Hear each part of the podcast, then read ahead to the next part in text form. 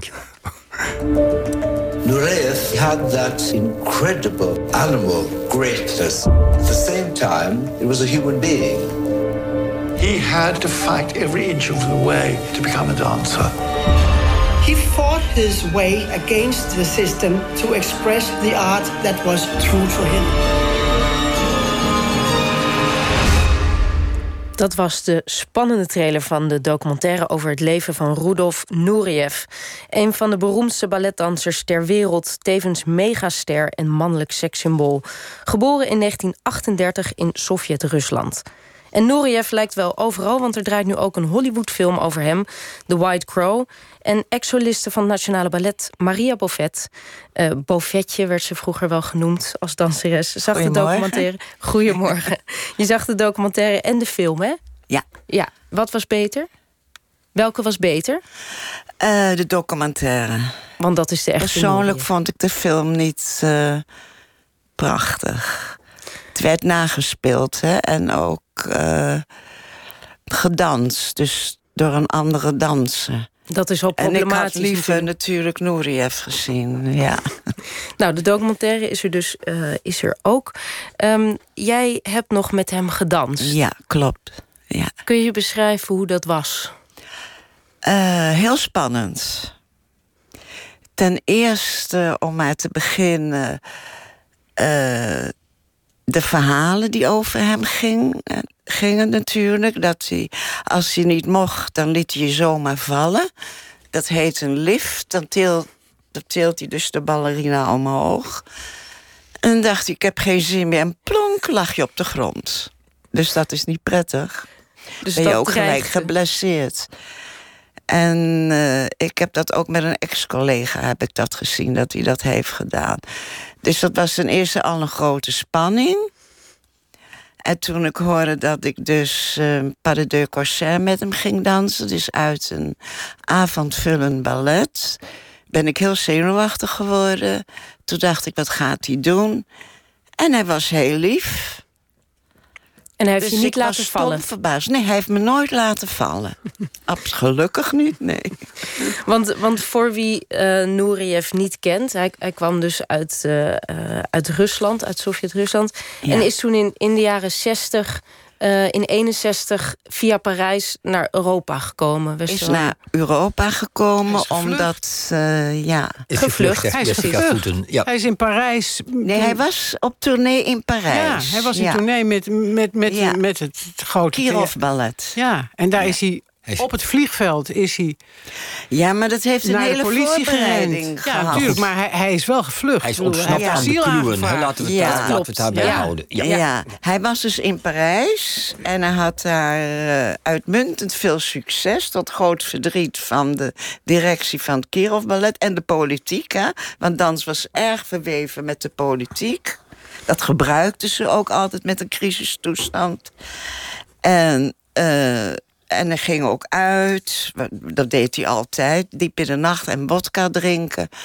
Maar in ieder geval, toen stond hij eigenlijk zo'n beetje in Parijs onder curitelen. En dan kan zo'n persoon als Nouriev natuurlijk absoluut niet tegen. En uh, toen had hij, hij had een goede vriend. Ik meen dat hij Pierre heette.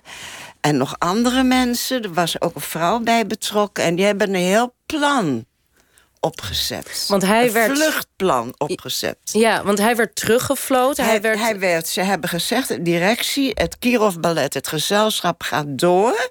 Volgens mij gingen ze naar Israël. Mm -hmm. Maar dat mhm. weet ik niet zeker meer. En jij gaat terug naar Leningrad. Want... En toen dacht hij... Dat kan nooit gebeuren, want als ik terug ga, heb ik geen leven meer. Dan gaan er gekke dingen gebeuren. Dus en toen heeft hij met vrienden gesproken en hebben ze een plan gemaakt, een vluchtplan. Ja, welk jaartal, jullie hebben het gezegd, ik ben het misschien even kwijt, welk jaartal was dat? die, die, dat hij in Parijs vluchtte, was dat ergens eind 1961. 1961. Dus ja. voor die tijd was hij onderdeel van het communistisch systeem ja. eigenlijk. Ja. ja. Ja. Zullen we daar ook nog even bij stilstaan hoe dat ging? Want daar ben ik eigenlijk wel benieuwd naar. Ja, want uh, wat, kun je een beetje zijn jeugd schetsen? Waar kwam hij vandaan? Ja, hij kwam vandaan uit... Uh, uh, hij was een Tataar, dus welk gedeelte is dat ook weer? Dan ben ik even kwijt. Het Zuidoosten. De Tataar, Heel arm. Zuidoost. Zuidoosten. Zuidoosten, Dank je, ja. John. arme familie. Vader was in het leger, die heeft de jaren niet gezien.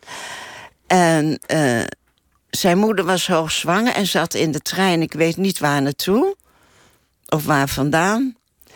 En hij is in de trein geboren. In een rijdende trein. Dat, past ook wel bij hem. De beweging zat er al vroeg in. Ja, ja, ja. ja. Tjoeke, tjoeke, tjoek. Uit een arme achtergrond. Een hele arme achtergrond, en, ja. En zijn vader wilde eigenlijk niet dat hij danste? Nee, na uh, jaren is zijn vader teruggekomen uit het leger... en hij wilde dansen. En dus ook ongelooflijk dat je deze gedachte hebt... uit zo'n arme familie en zo'n dorpje... En toen was er een vrouw, een, een oudere vrouw al, een uh, danspedagoog. En daar sprak hij s'avonds stiekem mee af. Dat zie je ook in de documentaire. Hè? En dan kreeg hij dus balletles. En op het moment dat zijn vader terug is gekomen... en hij dus professioneel dansles wilde nemen... en dat is ook gaan doen in het dorp... kreeg hij voordat hij naar dansles ging altijd een pak slaag. Hmm.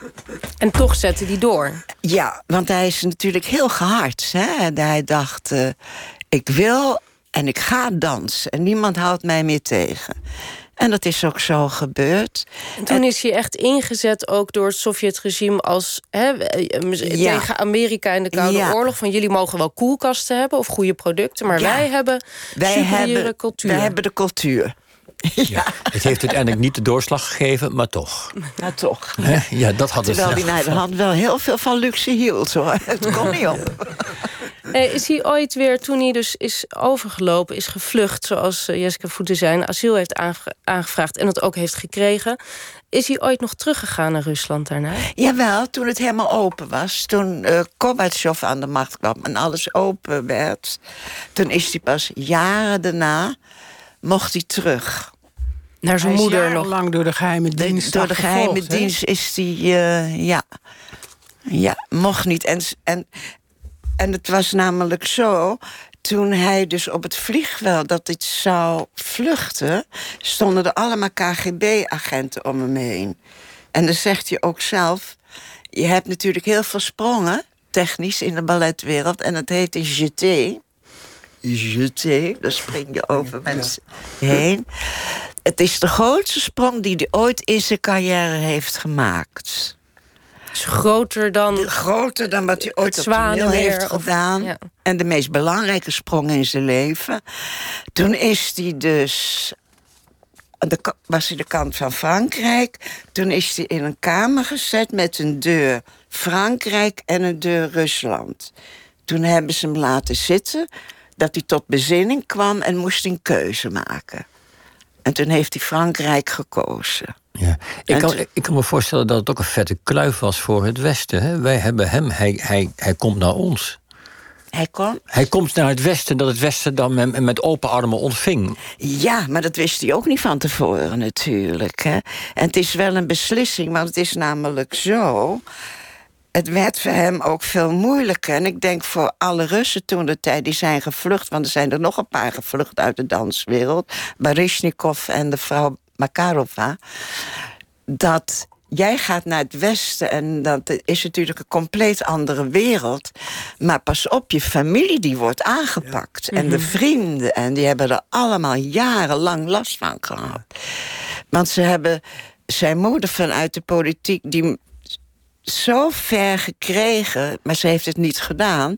dat ze verklaring moest tekenen voor de televisie... dat ze het niet meer eens was wat de zoon heeft gedaan. Ja. En dat heeft ze geweigerd. En, en merkte je dat aan hem, dat hij dat bij zich droeg? Of... Uh, soms wel, maar, maar niet aan iedereen. Als je wel eens bepaalde persoonlijke dingen vroeg... En dat zie je ook met interviews, dan heeft hij het er niet over. Hij wil daar niet over praten.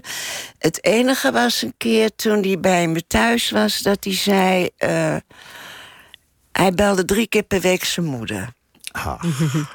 Drie keer per week belde hij zijn moeder. Oude oorlog toch nog ergens goed ja. ja. En daar was hij heel erg bezorgd om. Maar de Russen houden van Rusland. Hè? Dat is, Russen houden van Rusland. Dat is ongelooflijk. Ze missen dat, maar hij had het er nooit over. Maar Maar je zag het wel op toneel. Ja, want je doet nu... Je, Ja, op de webcam kan je het misschien zien wat jij doet. Maar ja. wat was er nou zo bijzonder aan hem? Eh, zijn. Ik wil niet eens zeggen dat. Hij gebruikte de techniek op zijn eigen manier. Dus dat betekent dat iemand een groot artiest maakt, is de uitstraling. En dat kun je niet leren. Dat heb je, dat talent heb je. En iedereen viel in katzwijmen. Mannen, vrouwen. Ja, omdat hij ook echt zo met zijn ogen en alles contact met het publiek Ja. maakte. Maar iedereen viel een katzwijn. Maar ik heb de indruk dat jij ook wel... Was dit de beste Ik en mooiste man die je ooit bent Heel erg tegengekomen? leuk hoor. Hem- we hebben samen in een sla... Een, eh, hoe noem je dat? Hangmat hebben we gelegen. ik dacht, dat kan wel niet lang genoeg duren. Maar hij was meer van de mannen, toch? Hij was meer van de mannen, maar ook heeft hij wel af en toe iets met vrouwen gehad. Ja. Maar daar heb ik me niet op gefocust natuurlijk. Ik vond dat al leuk genoeg. Nee, er wordt gesuggereerd dat hij een relatie heeft gehad... ook met de grote Margot Fontein. Ja, ja, zeer zeker. Dat is algemeen bekend. Daar heeft hij dus wel een relatie mee gehad, ja. Ja, het is allemaal eh, terug te zien in Nureyev, de documentaire. En de speelfilm vond jij dus eigenlijk niks, hè? Dus dat is dan... De speelfilm niet, de documentaire wel, ja. Ja, nou, maar dat is persoonlijk, omdat je hem hebt gekend. Ja, Dus ik zie liever dus eh, hem... de echte, ja. En het bepaalde arrogante hoofd. En ook vaak met dansen. En mensen zo aankijken. Denken van, ja toch. Zo- Zo'n uitdrukking had hij dan. Ook in het documentaire dat hij met Margot Fontaine... de aristocratische, gedistingeerde vrouw... gearresteerd is omdat ze aanwezig waren... bij mensen die drugs gebruikten. En dan wordt hij ondervraagd. En heeft, zegt hij ook helemaal niets. En Tegen nou heet het geen commentaar of zo, weet je wel. Maar hij zei helemaal niets. ja. En dat vind ik dan ongelooflijk. Ja, hij flirt met de camera. hij flirt Ja. met de camera. Goed, ja. het is allemaal te zien in de documentaire Nureyev... die nu eh, landelijk draait. Hartelijk dank, Maria Bovet, voor Dank je wel. herinnering.